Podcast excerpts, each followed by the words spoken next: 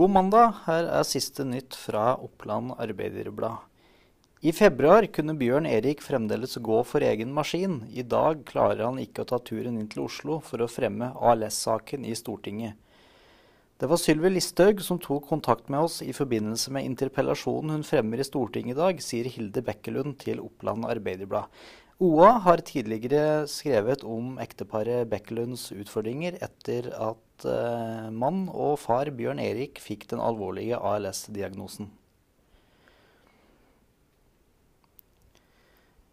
Nå kan du lese siste nytt fra næringslivet på oa.no. Oppland Arbeiderblad gir deg de siste registreringene fra næringslivet i Valdres i perioden 22. til 28. april.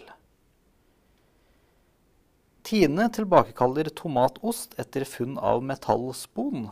Tine tilbakekaller produktet Tine Taffel tomatost etter funn av metallspon, opplyser selskap, selskapet i en pressemelding.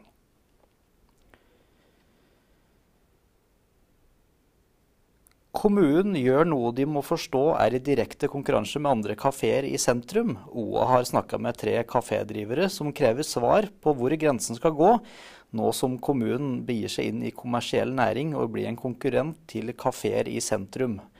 Hvor er den offensive lokale næringspolitikken, spør Kenneth Dalby, som eier Kafka i Gjøvik sentrum. Konsesjonsnekt i Vestre Toten. Unge mennesker skal kunne kjøpe en gård det går an å leve av. Vi følger loven, sier Stian Pettersbakken fra Arbeiderpartiet etter kritikk om at Vestre Toten framstår som ekstra vanskelige i konsesjonssaker. Dette er noen av sakene du kan lese på OA akkurat nå. Klikk deg inn og les eh, flere saker fra både nyhetene, kulturen og sportens verden.